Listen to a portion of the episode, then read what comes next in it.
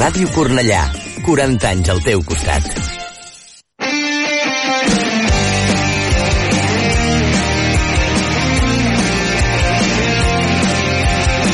Ara comença l'Esport al punt. Tots els dilluns a les 9 del vespre a Ràdio Cornellà. Joel Gadea.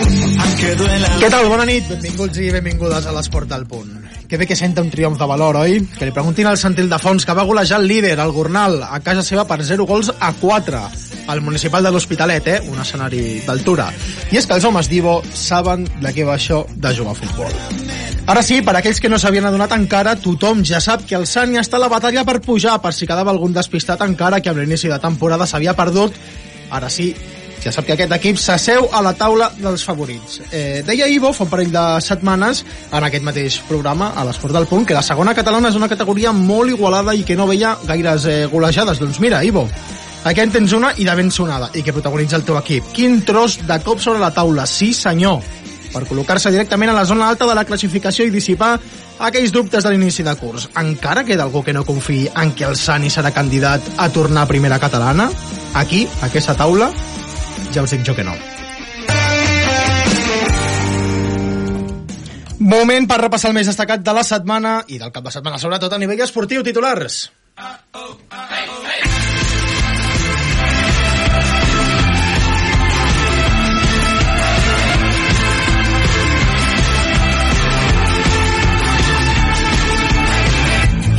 Derrota de la Unió Esportiva Cornellà en la seva visita a l'Eldense. Adri León, què tal? Bona nit. Bona nit, Joel. Doncs sí, massa càstig per la Unió Esportiva Cornellà en el seu desplaçament a Elda. Els, els verds van lluitar de tu a tu davant un dels actuals colíders de la categoria, però es van quedar sense premi en els darrers 10 minuts. L'Eldense va sentenciar el 80 i el 94, amb dues dianes que deixen els de Gonzalo Riutort a només dos punts de la zona de descens. Un cap de setmana que no ens deixa bones notícies a Primera Nacional Femenina. Cristina Moreno, què tal? Bona nit. Bona nit, Joel. Doble derrota aquest cap de setmana a casa pels equips cornellanencs. El Fonsanta va caure per 0-2 davant l'Algaida, mentre que la Fundació Esportiva Cornellà va perdre per la mínima 0-1 davant el Huesca. Ara sí, golejada del Sani al camp del líder, Òscar Ieste, què tal? Bona nit. Boníssima nit, Joel. Grandíssima victòria del Sani al camp del Gornal en una demostració de poder del conjunt d'Ivo. Un doblet, un doblet de Sergio Vacas, un gol de Joan Baix i un altre de Dani Parrilla van arrodonir un maig fantàstic.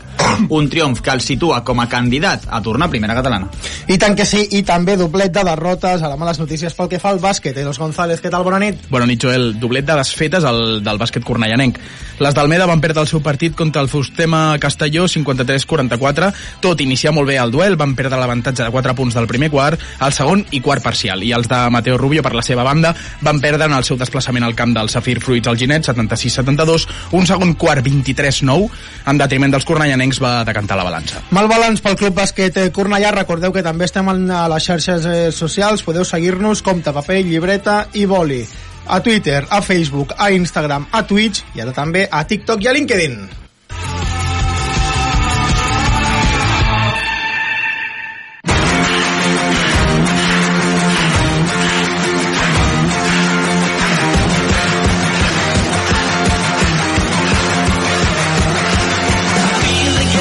És moment per repassar tots els números i tots els partits del cap de setmana. Comencem, com sempre, parlant de futbol, parlant de la primera federació Grup 2, Adri. Doncs sí, el Dense, com comentàvem, que guanya 2-0 al Cornellà i després d'aquests tres primers mesos de competició, el Cornellà que queda 11 amb 15 punts, a 4 punts del play-off descens que marca el Nàstic i a 2 del descens que marca l'Intercity. La propera jornada el Cornellà que rebrà el filial de la Reial Societat aquest proper diumenge a les 4 de la tarda. Uh, bon partit. Baixem directament cap a segona catalana, subgrup 3A, on hi tenim dos representants, Eros. Sí, comencem per la desfeta, la de l'Almeda contra l'Sporting Gavà 2013, 3 a 0 pels homes d'Almeda a la jornada número 10. A la classificació són setents amb 12 punts, amb un balanç de 3 victòries, 3 empats i 3 derrotes.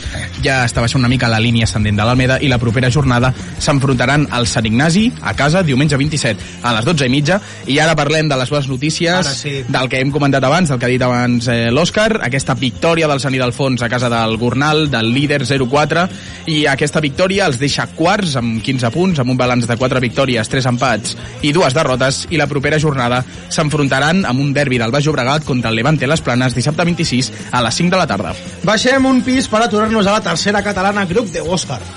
Victòria de la Fontsanta 2-3 al camp del Poble Sec. Són descens, 11 punts, balanç, 4 victòries, cap empat, 6 derrotes. Propera jornada reben el Vallirana dissabte 26 a les 6 del vespre. Més futbol, ara femení, doble ració a primera divisió nacional femenina, Cris. Doncs com hem esmentat el titular, doble derrota, Fontsanta 0, Algaida 2 i Fundació Esportiva Cornellà 0, Huesca 1. Les grogues són novenes amb 14 punts, amb un balanç de 4 victòries, 4 derrotes, 2 empats. Pel que fa al Cornellà són vuitenes amb 16 punts, amb un balanç de 5 victòries, 4 derrotes i un empat. Propera jornada, com a visitant, tots dos equips. Bé, Villarreal B, Fontsanta, diumenge 27 a les 12, mateix dia, mateixa hora, diumenge 27 a les 12, pel Sporting Santa Ponsa, Tala Rúbies, Fundació Esportiva Cornellà.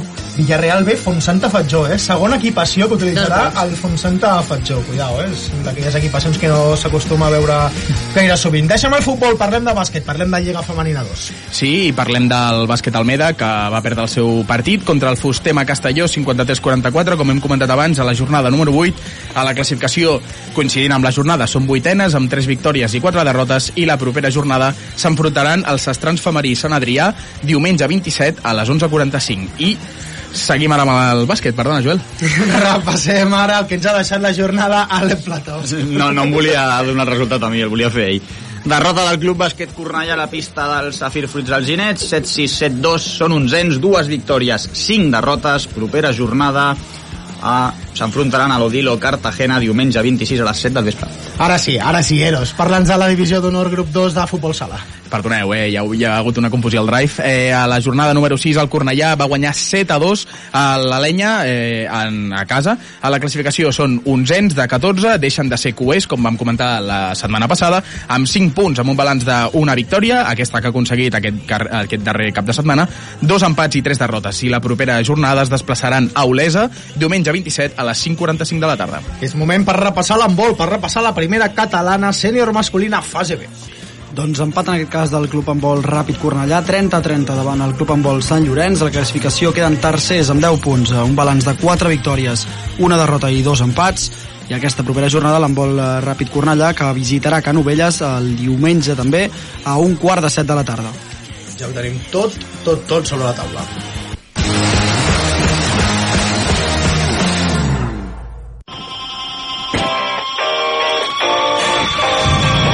El protagonista, Adrià León. Anem per davant al sud de la ciutat. Vosaltres soneu avorrits i estirats. Portaré a Castefa tres gramis a l'any. Abans de que l'Adrià ens expliqui el protagonista de la setmana, fer de, de rates, eh, m'he deixat el resultat del rugby. Estem parlant de la divisió d'honor eh, grup B, aquesta derrota del rugby Cornellà 21 a 17 a la pista del eh, Buc B.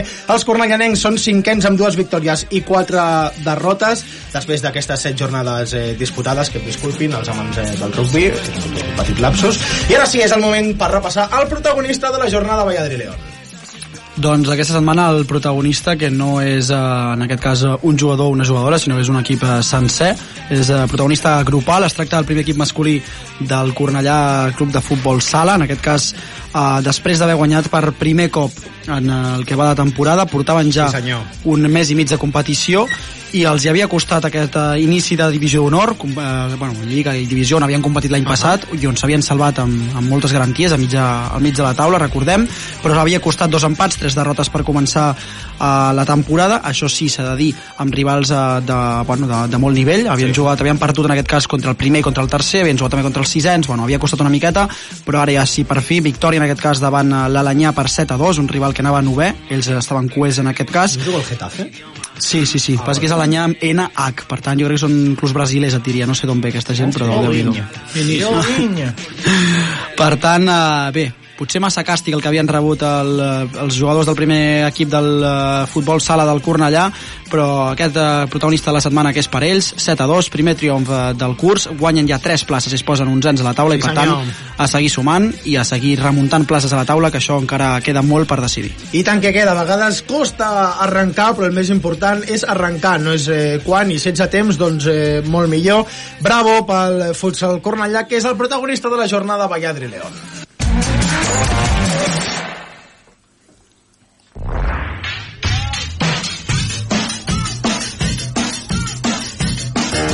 Segueix-nos al nostre compte de Twitter, arroba l'esport al punt.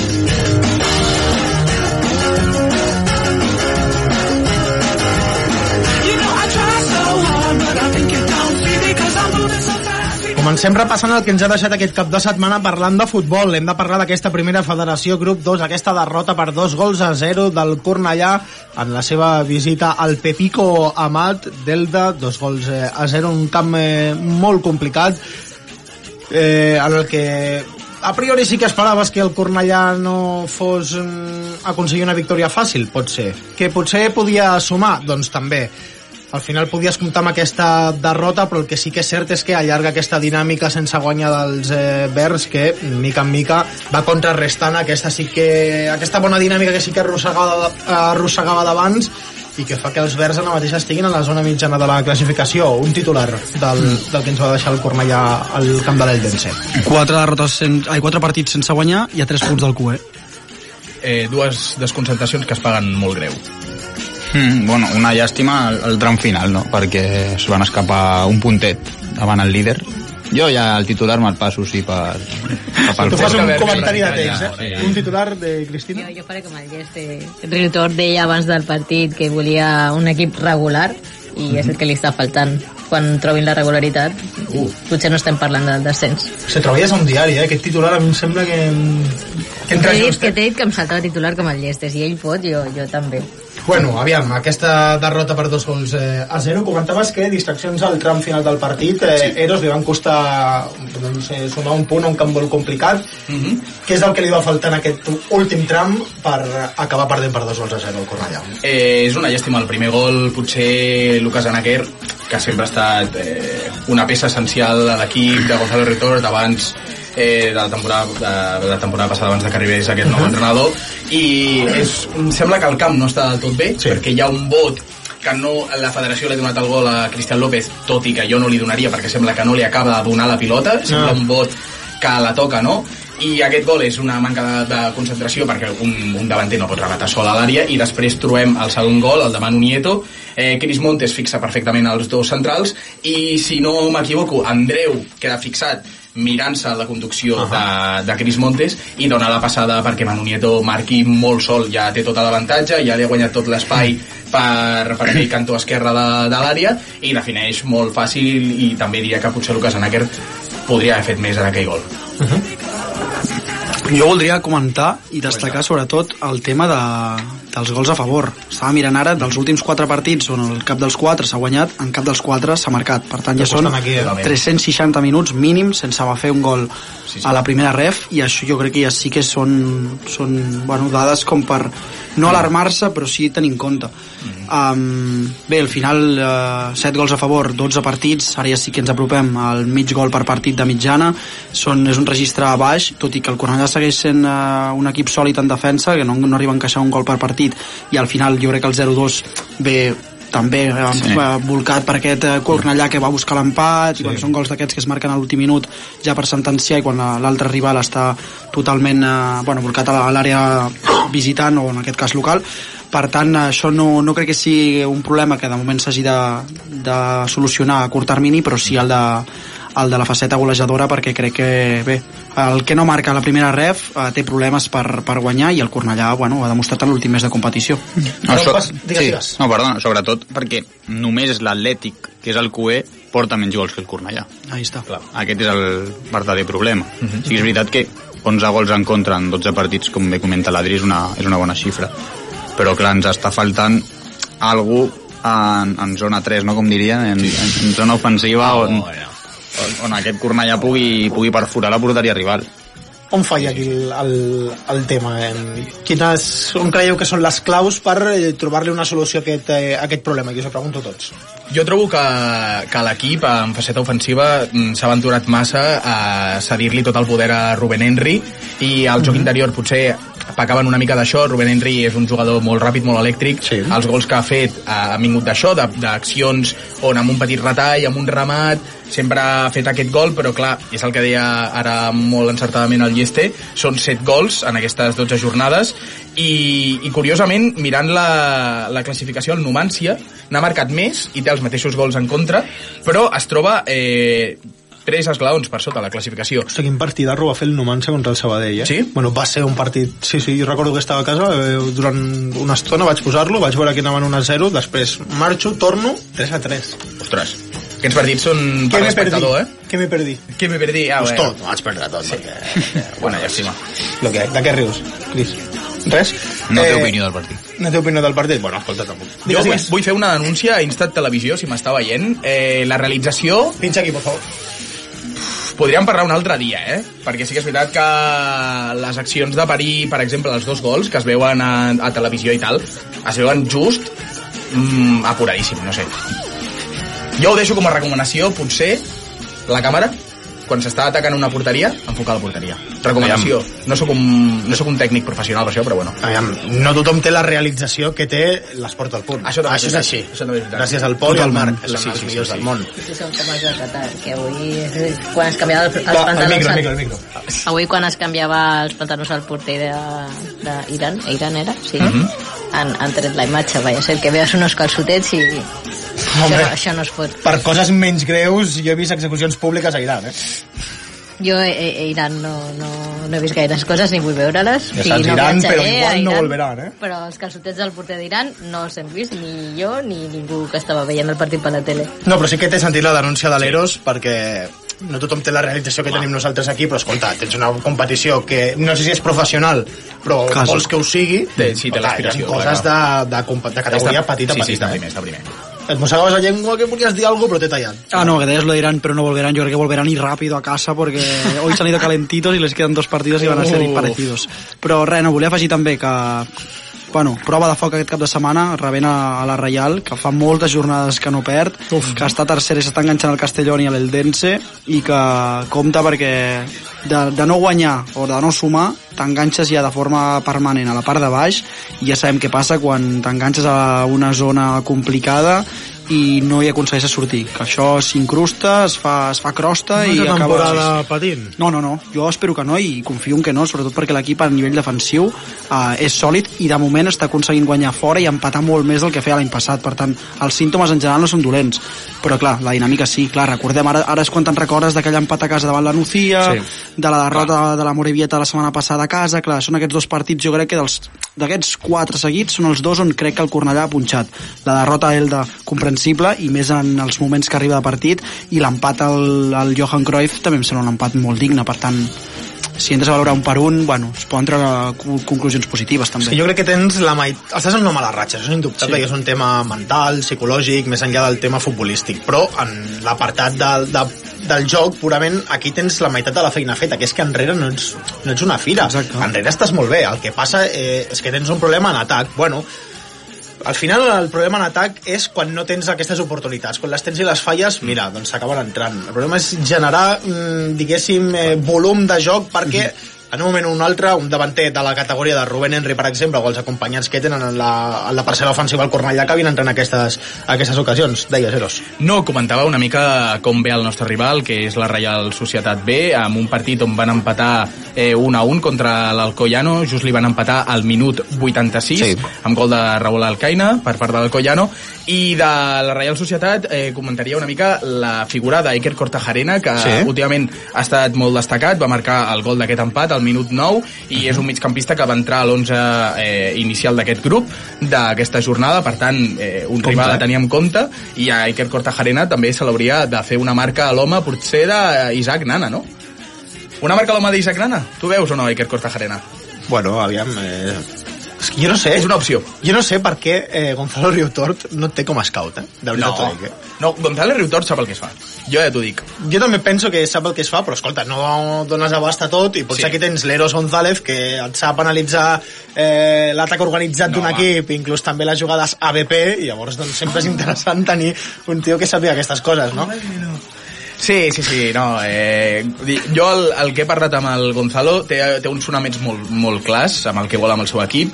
Ho havia aconseguit fins ara, que era aquesta solidesa defensiva, que tenir aquesta que eh, aquests davanters siguin molt, molt volàtils, que tinguin aquesta volada, però... Eh, Volada, és que és un concepte... M'agrada molt el terme volada. A mi a mi m'agrada molt, jo, jo ho utilitzo molt. Volies fer que cullerada. Bueno, no, anava, anava a agafar el fil del, de l'Iker que comentava de la Real, Sí. Jo me'n recordo fa dos anys quan fèiem el projecte de TED i fèiem els pitxitxis de tercera. Aquest home estava entre els pitxitxis de, de la Reial.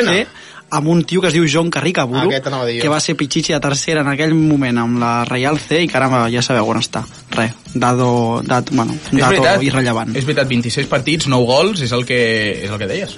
Sí, sí, estava, bueno, eren ell i Carricaburu i van fotre una temporada amb la Reial C espectacular. Sí, sí. Va ser 2000, De fet, això m'estava preguntant jo abans. No sé si Carricaburu, havent-hi al Mundial i que està en dinàmica del primer equip, potser eh, jugar, jugar a primera federació amb la Reial Societat eh, B.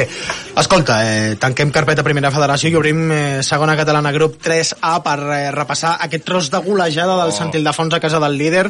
Per cert, que ara, amb l'acord aquest que ha fet eh, el Centre d'Esports Hospitalet a tots els equips de la ciutat, juguen tots el... Eh, no sé si tots, però que sí que juguen eh, altres equips de, de l'Hospitalet del Llobregat, el municipal de l'Hospitalet, que és un tros de camparro, Uau. i aquí va guanyar el Sani, va guanyar, no, escolta, va golejar per 0 a 4 el líder, que és el eh, Cornal, i tenim a l'altra banda del telèfon un jugador de l'equip eh, cornellanenc per repassar-ho. Joan Valls, què tal? Bona nit. Bona nit, què tal? Escolta, Joan, quin tros de victòria, eh? Quin tros de, de golejada 0 a 4 al camp del, del líder, al camp del Gornal. Sí, sí, té, té molt de mèrit per com, venia, com veníem nosaltres i com venien ells, i la veritat és que si ens ho haguessin dit abans del partit, molts, molts no ens ho, no ens ho creuríem.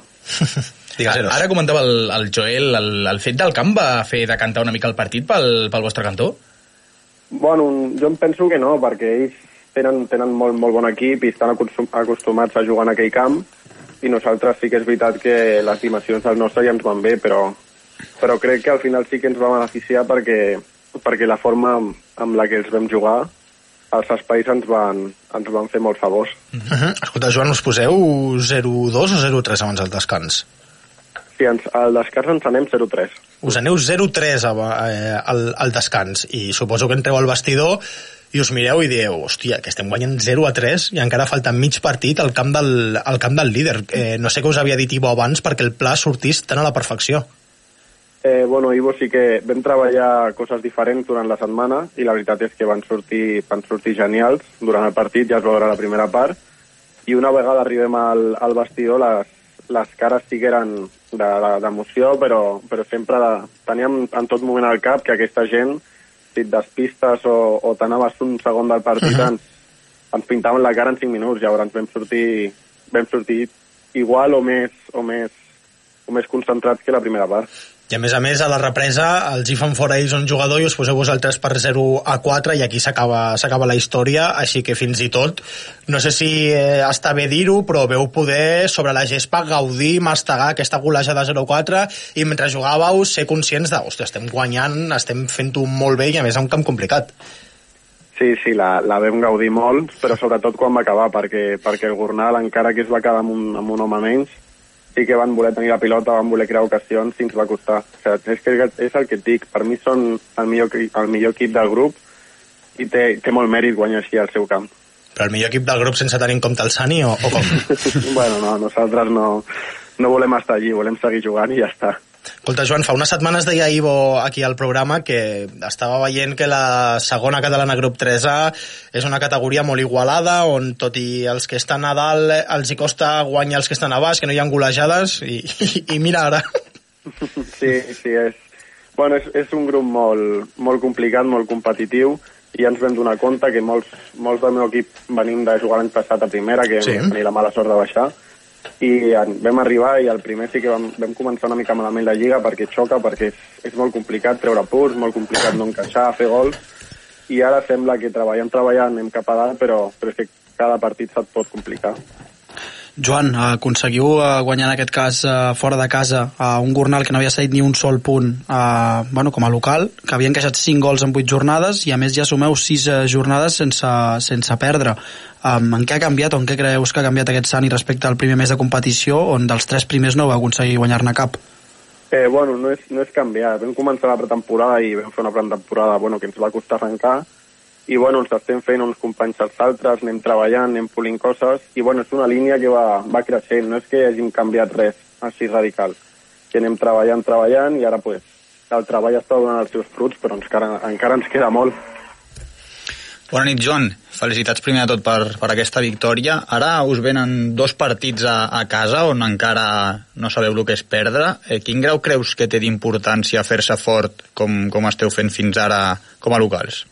Bona nit. Eh, em sembla que és el més important, perquè si aquesta setmana, el dissabte, arribem al partit i, i no sortim igual que contra Gornal, els tres punts que vam treure la setmana passada no, no serveixen per res.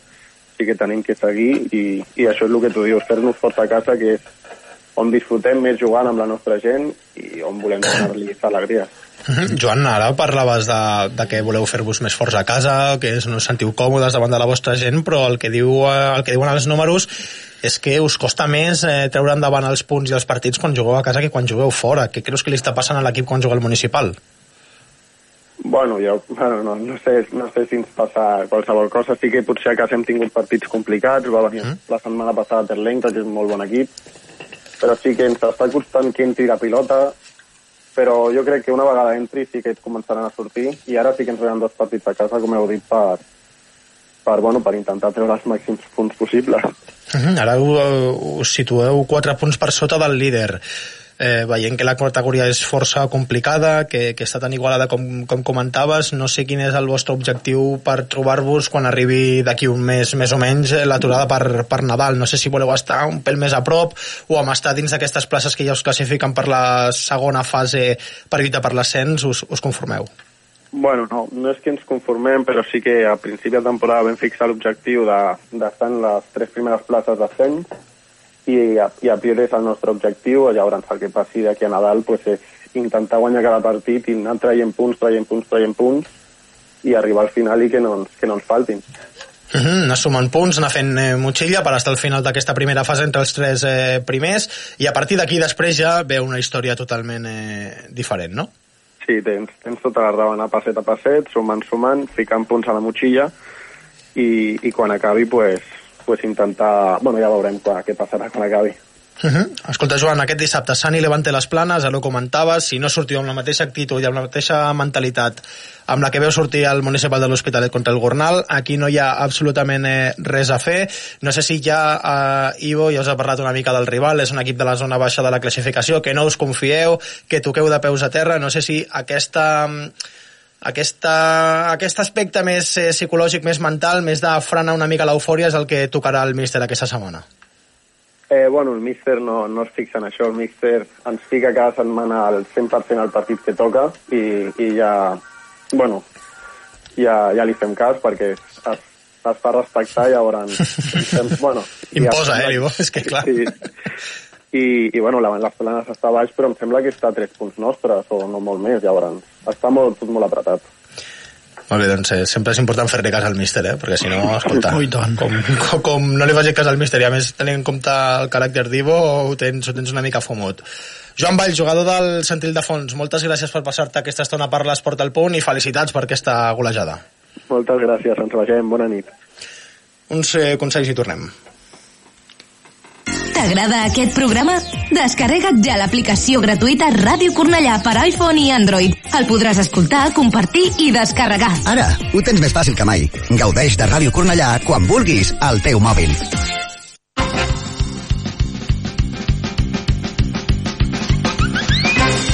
De més enllà, viatgeu amb nosaltres cap a un món de músiques.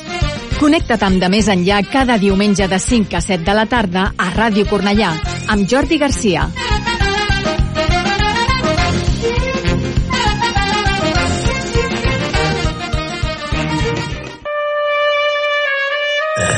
Faré una oferta que no podeu rebutjar.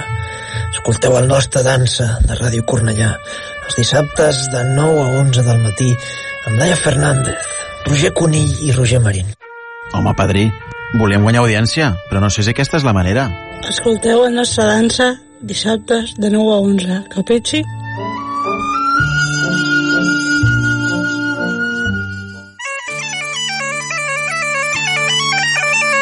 Escoita sempre en Galicia, todos os sábados de 6 a 8 do serán. Tots els dissabtes de 6 a 8 de la tarda, escolta sempre en Galícia. Informacións, novidades, música galega, entrevistas, colaboracións, participacións dos ointes, premios e moitas cousas máis. Con Armando Fernández, Laura Santos, Marc Ford e Xulio Couchil.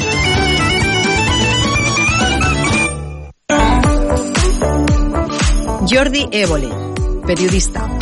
Jo vaig fer coses a Ràdio Cornellà que no m'hagués imaginat mai que faria, des de retransmetre una cavalcada de Reis fins a retransmetre un partit de bàsquet. La ràdio local és la gran escola de, de tots els que volen fer alguna cosa en el món de la comunicació, doncs allà et serveix per formar-te, per foguejar-te, per fer 40.000 coses que et corteixen molt i t'ajuden moltíssim després. Ràdio Cornellà, 40 aniversari, orgull de ciutat.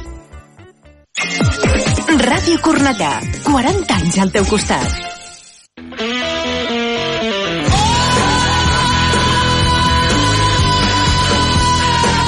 Segueix-nos al nostre compte d'Instagram arroba l'esport al punt.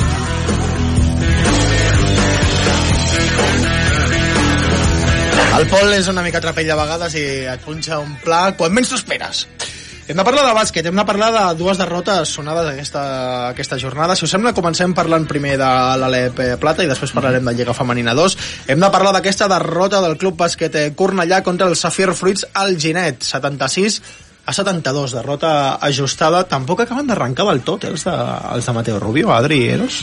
No, els està costant. Els està costant i mira que, bueno, jo és una mica d'anades i vingudes. En aquest cas, jo crec que no bueno, no vull eh, tampoc eh, jugar-me-la a dir que aquest és el motiu pel qual no, no van aconseguir sumar de 3 bueno, de 3, de 2 en aquest cas al bàsquet, no? Una vict o sigui, un punt és la derrota, dos la victòria, pot ser? Sí, pot Sí, ser. tema punts de bàsquet. Sí, eh, sí, victòria, sí, sí, victòria de... Sí, correcte. Bueno, però sí, sí, sumen un punt No tot vols i perdre. Bueno, un punt per perdre eh? Correcte. Bueno. L'important és participar, no digués. No? És l'esperit. Um, bueno, això el que deia, que jo crec que el segon quart és el que fa molt, eh, molt de mal, molta pupa, 23 a 9, els Uf. altres tres quarts Terrible. pràcticament, no, bueno, el primer i el tercer els guanya el Cornellà i el tercer el competeix bastant bé, però clar, no pots competir perdent 14 punts en un segon quart on clar, el Cornellà només anota 9 punts, per tant, uh, crec que és el motiu principal i segurament doncs, alguna desconnexió hi ha d'haver pel mig. Sí, també la, la manca de referents, la marxa de Nacho eh, a mitja temporada, el 14, mm. entre el 12 i el 13 de novembre la seva marxa va fer molt de mal, el Mm. seu el seu substitut ja ha jugat aquest partit eh, és, és el Zarko Jukic, si no m'equivoco Ostres! eh, el Talent seu iugoslau? Mm, eh, danès Joder. Sí, sí. M'has enganyat. Da, da, eh, va per aquí i de sobte va per aquí, però bueno. Eh, La nota va per qui? Va per qua. Va per qua, va per qua. Té experiència a la categoria, eh, arriba després d'anys disputant l'Eport i l'Ep Plata, va jugar amb Lorència a la 16-17 a l'Eport Ah, bueno. i a la 18-19 al- amb l'Albacete Bàsquet eh, l'Ep Plata, té experiència a la categoria, per tant, bé, el primer partit ha fet eh, 23 minuts 4 punts, un 50% d'encera en tirs de camp, bueno, eh, haurem de donar-li temps perquè se- es reajusti a la Lliga a l'Ep Plata, que ja fa temps que no, que no la disputa, però bueno, jo sobretot li posaria eh, aquesta lupa a la, encara referents, la marxa de Nacho ha fet molt de mal, jo crec, al vestuari. Tampoc acaben de rotllar les coses a Lliga Femenina 2, eh, pel que fa al bàsquet. Almeda, aquesta derrota per 9 punts, fixa't que aquí es repeteix una mica el patró, derrotes ajustades, diguéssim. En aquest cas, les groquinegres van caure 53 a 44 a la pista del Fustecma Castelló i repassem eh, tot plegat l'actualitat del bàsquet Almeda amb el seu entrenador, amb el Fernando Gordo. Fernando, què tal? Bona nit. Hola, bona nit. Escolta, primer de tot, ens ha dit, eh, preparant l'entrevista, un ocellet, que es diu Cristina Moreno, que et van expulsar. Eh, Explica'ns una mica què, què va passar, perquè això en bàsquet mm, no, no, no, no és gaire habitual que, que xiulin dos tècniques a un entrenador que l'expulsin directament. Doncs, bueno, al final va haver un petit malentès que es va fer gran eh, cap al final del partit, quan quedaven tres minuts per finalitzar el partit, i anàvem sis, eh, que deia, perdíem de sis en aquell moment, doncs, bueno, uh -huh. va haver una tècnica en l'últim segon a l'altre equip eh, per simular, per simulació, en un partit que havia estat, eh, després si no ho argumentem, havia estat una guerra en què s'havia xulat molt poques faltes ni per un equip ni per l'altre, eh? i de Ah, fet bueno. jo havia estat de fet, no, no, de fet jo havia mantingut amb tot, no havia fet, fet cap queixa durant tot el partit, perquè entenia que era un criteri per als dos equips per igual, però en aquella acció en concret que van ser una, una tècnica per simulació a l'equip local, Uh, just a continuació van xiular 24 segons um, i jo vaig considerar que tal com havia marcat havia anul·lat la tècnica per simulació per, per, per aquestes 24 segons, cosa que evidentment sí. no era així. I al final jo em vaig a protestar aquesta acció, ell em va saber explicar que realment sí que havia xiulat la tècnica, eh, jo pensava que havia anul·lat, en cap moment em va dir no, no, fet xiular la tècnica per només 24 segons, i bueno, al final eh, vaig continuar protestant, va caure una primera tècnica i una segona.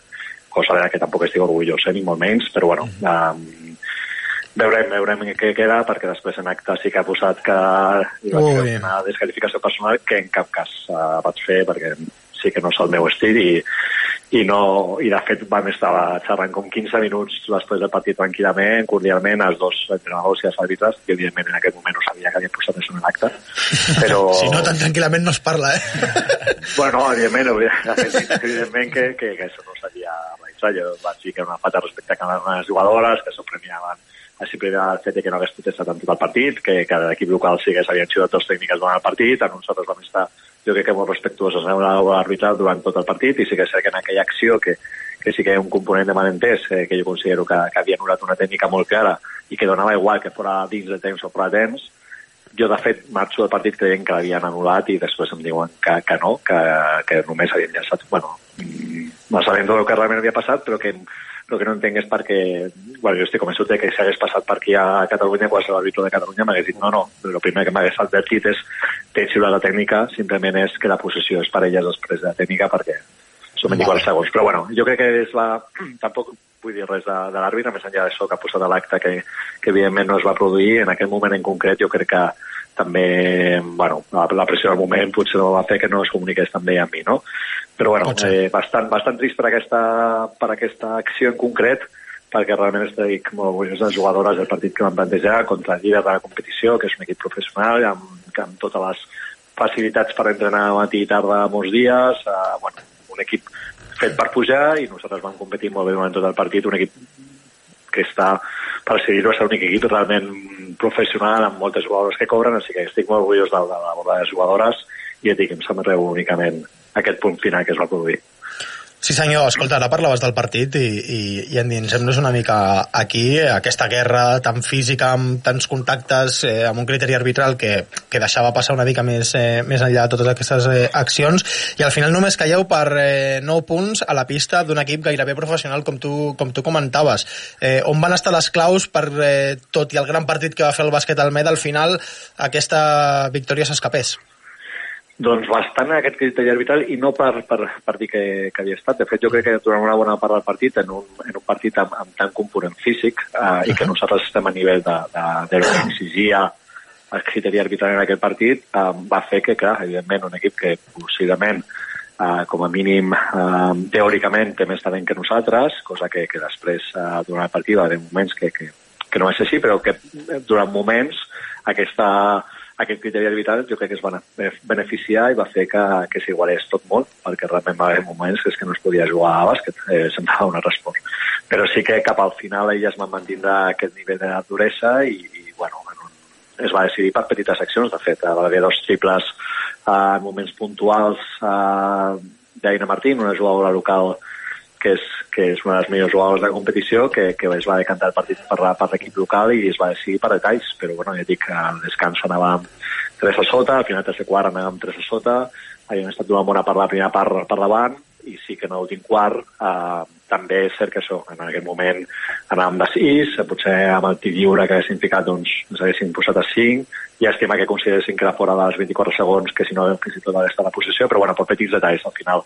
Però ja dic, eh, no vam tindre un dia de molt encert, és, és cert, però clar, és que jo dic el, el criteri feia que, que cada vegada que es realitzava un llançament eh, era, havia dos de jugar, bueno, eh, molt bé per part d'elles, dic, no és cap crítica cap a elles, però va ser que va ser un partit molt físic i tot i que durant molt bona part del partit vam estar a aquest nivell físic, doncs al final per, per l'Atlètic no, al final en un cara creu que ha en moments puntuals i que es va de cap, de cap a l'equip local. Què tal, Fernando? Bona nit. Eh, tu creus que aquest cara creu es dona potser també al segon quart, que, veu amb un parcial de 15 a 8?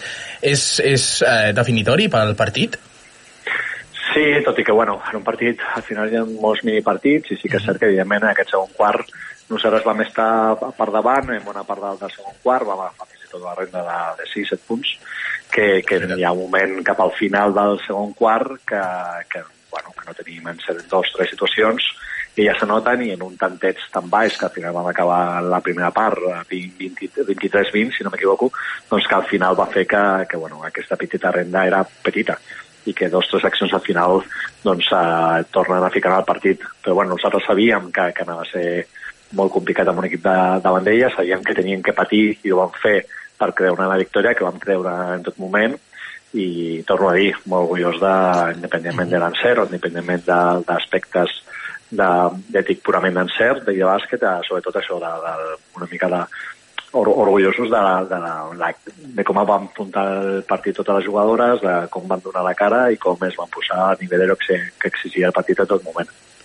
Fernando, mirant la taula, um, sou el segon sí. equip que menys punts encaixa de tota la Lliga. Només el Castelló encaixa menys que vosaltres.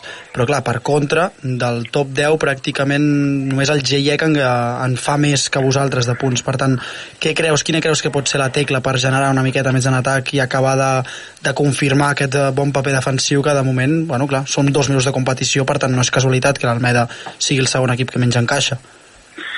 Bueno, jo crec que els últims anys ens hem caracteritzat per ser un que, que rep molt pocs punts, independentment de, del moment de la taula o de la posició de la taula que hem acabat, sí que és cert que, que som un equip que, que rep pocs punts i que, i que aquest, aquesta serietat defensiva sempre l'hem tingut i també és cert que, que a nivell d'àncer ofensiu doncs tampoc hem tingut um, cap de les tres temporades en què he estat jo um, com a mínim un gran encert de, uh, amb percentatges molt alts. Bueno, hem, hem d'afrontar com a equip que, que potser tenim certes limitacions ofensives i sobretot hem d'afrontar com a staff, com a, com a staff tècnic, que hem de fer millor nosaltres per donar situacions més clares a les jugadores. Um, jo crec que al final tots els equips de la part alta de la classificació ja hem jugat contra ells i ara els cinc partits que ens queden de la primera volta són contra equips que, que, que podem guanyar. Eh, però que podem guanyar no significa que els guanyarem. Significa que, que són equips com, com Lleida, com Dillec com Curbarna, com Olivar o com Sant Adrià, que, que estan exactament com nosaltres a la classificació. Per tant, sí que és cert que estem en disposició de guanyar els 5, però també estem en disposició, evidentment, de si no fem les coses bé, de, de, de perdre'ls. Per tant, bueno, eh, únicament afrontar el següent, que de Sant Adrià el diumenge, intentar fer les coses bé, eh, esperar que no en caiguin molts partits per aquesta acció i a partir d'aquí intentar, intentar fer les coses bé eh, com a equip que entreno, que dic, eh, d'aquí poc recuperarem un par de jugadores d'aquestos adreços de llargada que s'havien quedat aquí per la, per la temporada, així que ja cada queda menys perquè elles també puguin participar, recuperar efectius i, i tindre molt clar que som i, i com, com cada any, com ha passat l'any passat, tractar de créixer durant, durant l'any. Fernando, ja per acabar, eh, de partit tu en eh, partit tu, aquest cap de setmana a la pista del Sant Adrià, que a més a més eh, farà que jugueu dues jornades consecutives fora de casa. Eh, escolta, partit eh, per trencar amb aquest eh, mal sabor de boca que us deixa aquesta, aquesta derrota a casa del, del líder i a més a més una oportunitat per refo eh, reforçar aquestes sens sensacions tan bones que us vau endur de, de la pista del Safir Fruits al Ginet. Eh, sí, al final és un partit que per nosaltres sí que és molt important, perquè al final ja únicament porten dues victòries en, aquest any. Um, en la temporada passada al final sí que vam acabar per davant d'elles a la classificació, però vam perdre els dos partits contra elles. Per tant, és una raó més de, de pes com per donar-nos compte de que no serà un partit que és fàcil. Jugar a Sonaria mai és fàcil.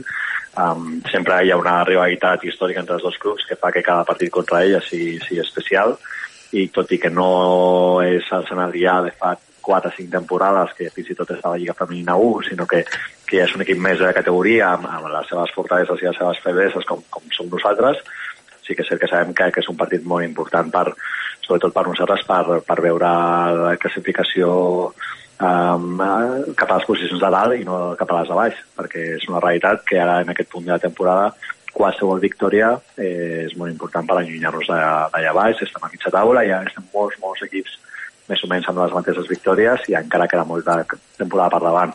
Però aquest partit evidentment contra Sanadia sí que marcarà moltes coses tot i que diré el mateix que aquesta setmana. Passi que, com una vegada que passi aquest partit, pensarem en el següent. Sí, amb aquesta mentalitat de partit eh, a partit que el Fernando Gordo sempre porta per, per bandera. Míster, moltes gràcies per passar-te per l'Esport al Punt, una abraçada, i aviam si després eh, d'aquesta redacció de l'acte per part dels àrbitres la federació és una mica benèvola, home. bueno, ja dic, a mi l'únic que em sap greu és que no que perquè no ho va escoltar bé o perquè va interpretar malament el que vaig dir, al final no, no surtin reflexes de les paraules que, que li vaig dir, que en cap cas va ser una, una, un tema personal cap a ell, perquè, ja dic, no torno a dir, no, no se n'estigui, no, no ho serà mai. Li posarem aquest tall de l'entrevista al, al, al comitè, aviam No, si, si li no. queda clar que, que no anava contra ell ni era res personal. No, serà, serà difícil perquè al final ells tenen la, la pres, pre, presumpció de la certesa que es diu i, Sí, sí. i serà difícil, s'ha de mostrar el contrari, així que no, no ho tindrem fàcil, però bueno, eh, anem a estar en, el que podem controlar nosaltres, que evidentment això no, no ho podem controlar. Míster, gràcies i bona nit. Vinga, bo- bona nit.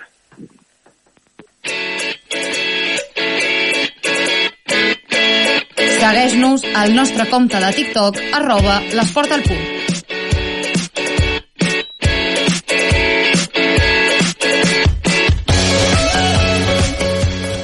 Obrim la carpeta del poliesportiu, avui un esport que no havíem tocat encara en les eh, gairebé quatre temporades i mitja que portem a, a l'esport al punt. Avui parlarem de pàdel.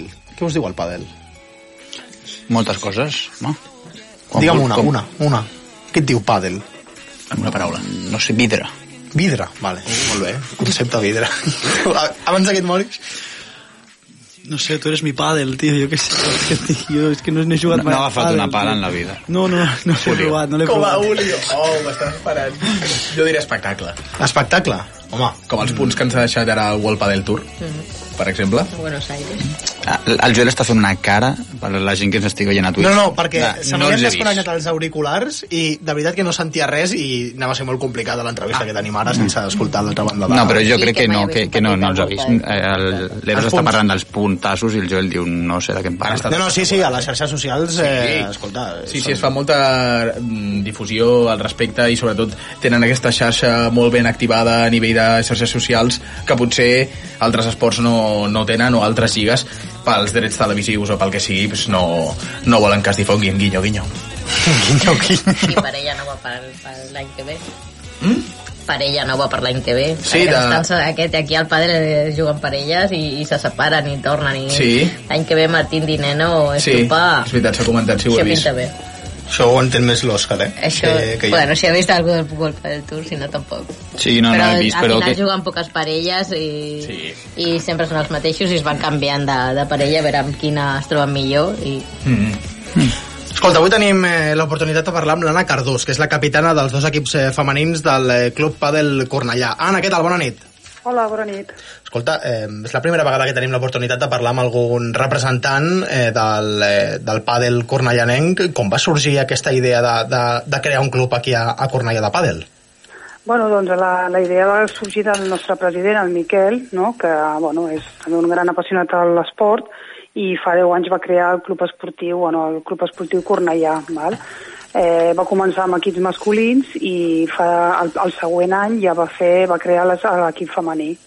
I bueno, fins ara, o sigui, l'equip femení doncs, fa aproximadament uns 10 anys que estem en actiu i fins ara. Escolta, Anna, a més a més esteu d'enhorabona, perquè aquest cap de setmana heu celebrat eh, dos ascensos, no? Sí, correcte. Eh, tenim dos grups, el, el grup A i el grup B, i bueno, l'any passat vam pujar de segona a primera catalana, i en un any, doncs, els dos a cop vam pujar primer i segon, vam quedar primers i segons la, la classificació, i bueno, aquest any per nosaltres era pues, un repte estar primera catalana i bueno, pues, mira, ha sigut una sorpresa eh, poder disputar els play-offs eh, per pujar a divisió d'honor i amb el gran èxit de que els dos equips han aconseguit l'ascens eh, a divisió d'honor, que és la, la màxima categoria, sí, sí. Uh -huh. Escolta, Anna, pels que no estem gaire versats en, en l'art del, del pàdel, ens pots fer 5 cèntims de com funciona el sistema de categories en, en aquest esport? Sí, eh, les categories comencen de tercera, tercera femenina, bueno, tercera, segona, primera i després la divisió d'honor ja, que és la màxima. Uh -huh. O sigui, esteu al top, eh? Sí, això a nivell de Catalunya. Després ja pots anar a nivell nacional, però això ja són altres, eh, altres paraules, vaja. Nosaltres, fins al moment és això, fins a divisió d'honor. L'expert en pàdel pregunta. No, home, hola Anna, bona nit, què Hola, tal? bona nit. Jo a nivell federat no he jugat, però sí a nivell més padelcat, per exemple. Mhm. Llavors volia preguntar-te si a, també a, a nivell federació, o sigui, clar, tu com a capitana ets la responsable, no?, entenc, de- d'escollir de, les parelles i si hi ha, hi ha hagut molta moguda, entre cometes, si és molt difícil per tu fer-ho. Sí, jo sóc l'encarregada d'escollir les parelles i, bueno, sí que és una moguda perquè, bueno, nosaltres tenim a les dues plantilles estan molt, bueno, hi ha moltes jugadores, hi ha 30 i 30 aproximadament, vale? i és complicat perquè, bueno, eh, hi ha jugadores que a vegades no, no s'apunten i no poden jugar i això és la, la feina més dificultosa per, per meva, no? Però em baso en un criteri que intento que totes les jugadores eh, juguin un mateix percentatge de partits, sigui el nivell que sigui de la jugadora.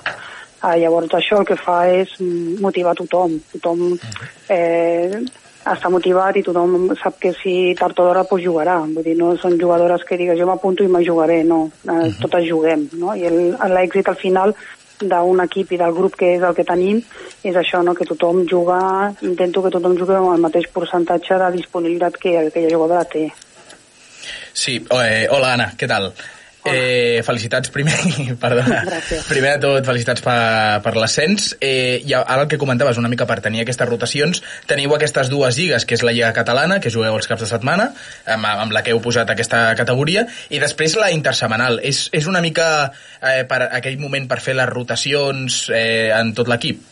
Correcte, sí, sí, jo utilitzo les dues lligues eh, una mica per donar el mateix percentatge de, de joc a, a les jugadores. Eh, amb la sort de que, per exemple, interclubs eh, són 5 partits, amb la qual necessitem 10 jugadores, i al cap de setmana són 3 partits i són 6 jugadores, o sigui, setmanalment aproximadament eh, són 16 jugadores, amb la qual la rotació doncs, és aquí on pots eh, maniobrar millor. Anna, no sé si en, en el vostre club teniu eh, també un equip de mixtais i, i en el cas afirmatiu si esteu, si esteu federats. A la federació mixta no en tenen. A la federació catalana només té masculins i femenins. Els mixtes sí que en tenim, però Sant Pa del Cap. Vale. O sigui, sí tenim dos equips mixtes, però juguen a, no juguen federats, juguen Pa del Cap. I per què creus que la federació no vol donar el pas? No sé si no li veu futur o ja que realment com en el padel professional no, no, no existeix aquesta categoria, no sé si creus que tu veuries viable que, que existís. Doncs no sé per què no existeix. La veritat és que és una cosa que és cert, vull dir, a nivell... Eh, bueno, sobretot els que són més professionals és un masculí o femení, no han fet mai mixta. No et sabria dir el per què, la veritat no sé per què la federació no obre aquesta, aquesta porta, no? Eh, més tenint en compte que el pàdel està creixent molt, no? Eh, no sé, no seria una pregunta que et pogués respondre perquè no, no, no et podria dir per què no obre aquesta porta. Sí, eh, què tal, Anna? Eh, seguim una mica en aquest sentit. Pel que fa al pàdel, molta, molta gent creu que és un esport mm, més de caire recreatiu que no competitiu, però l'esperit competitiu ja l'heu demostrat de sobres. Què diries a les persones que, que menyspreen, menyscaven el, el pàdel? Bueno, primer que el practiquin. Exacte, és veritat. És molt primer complicat, eh? Aquí n'hem jugat a l'equip i està, està fumut, està fumut. Sí, primer que el practiquin, bueno, eh, sí que és cert, no? Hi ha, millor hi ha dos tipus de manera de- d'enfrontar el pàdel, però com qualsevol altre esport, eh? Un a nivell de... Doncs, pas, pas, passa l'estona i l'altre a nivell més competitiu, no? Eh, el que està clar que quan un equip està federat, eh, la part competitiva la té, no? I les jugadores la tenen i els jugadors el tenen, no? Si no ja no es federaria, no? Es jugarien pues, més a, a, entre els amics a, a les partides que es puguin fer als clubs o altres lligues eh, de caps de setmana que no són lligues, són tornejos, no? eh, jo crec que quan un, una jugadora es, fa de, es fica en un equip federat ja és perquè té ganes de competir i tothom que vol competir vol guanyar i, i vol doncs, a poc a poc anar creixent. Ho remates? Ho remato. Jo et volia preguntar, Anna, eh, per on està el sostre d'aquest esport? I sobretot també, abans que el d'aquest esport, el d'aquest club. El, el sostre en qualsevol esport està en disfrutar, no hi ha cap sostre. Ningú es pot posar una meta molt superior a, al, que, al que la vida no té. Eh, jo crec que el sostre és disfrutar eh, la vida, disfrutar l'esport, disfrutar el moment, i no hi ha sostre. Vull dir, ara estem aquí a Divisió d'Honor, l'hem de gaudir, eh, potser l'any que ve no, no mantenim la categoria, l'objectiu serà mantenir-la, però si no la mantenim, el sostre serà pues, seguir a primera catalana i ser feliç i disfrutar l'esport amb felicitat, no amb, amb cap objectiu. Hòstia, aquesta és la mentalitat, eh? Seguir l'esport amb, amb felicitat, eh? Sí, senyora. Anna Cardús, eh, capitana dels dos equips eh, femenins del Club Padel eh, Cornellà. Moltes gràcies per passar-te per l'esport al punt, per explicar una miqueta d'aquest eh, esport que mm, a vegades el tenim una mica de costat, però que mica en mica va entrant amb més força. Merci per passar-te per l'esport al punt i bona nit. Moltes gràcies a vosaltres. Vinga, que arriba la Cris.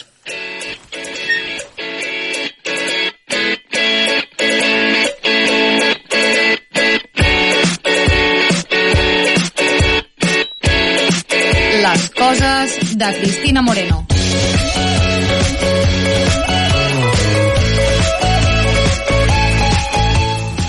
Aviam, Cris, abans de que comencis eh, amb lo teu, amb les teves coses, perquè clar, són les teves coses, eh, dir que tenim activitat eh, també al nostre Twitch, al nostre chat, arroba l'esport al punt, Elena HG68, hola, saludada. Està, està saludat el Pol també pel xat, però saludem nosaltres també. Tu la vols saludar en especial, Eros?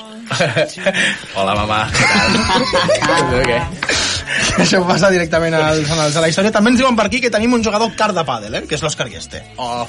Ens ho diuen, eh, ens ho diu Arnau eh, barra baixa Madrià. Alguna Sí. cosa a dir, tu també? No, la- l'Arnau li diré que quan vulgui, quan pugi a Girona ja jugarem un partit. Bo, escolta, eh, ama- sona un poquito amenaza velada, eh, això. Unos eh. piques, eh, aquí al padre. Sí, sí, sí, sí, sí. L'esperit competitiu, encara que sigui de cunyaos i casados Tu sí i partits d'aquests. Ah, bueno. Entra avions, sisplau. Bueno, com sempre, avui no correrem, però caminarem. Dia 11 de desembre, apunteu una caminada popular en favor de la marató, que com bé sabeu aquest any és per la salut cardiovascular. A les 10, caminada popular i després botifarra per eh, Ole, posar... va, com ens agraden les botifarres aquí, eh? Sí, per- Alguns més que altres, eh? Sí, això és veritat. Bueno.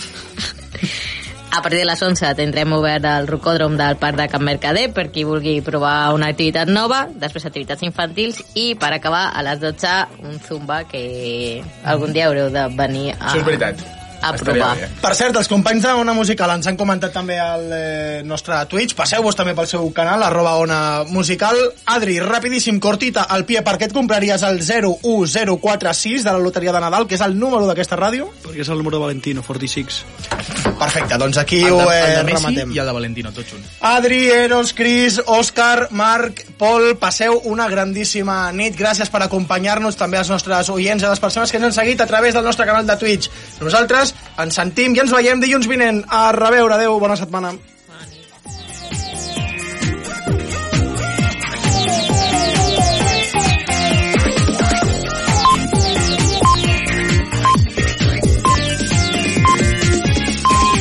Són les 10.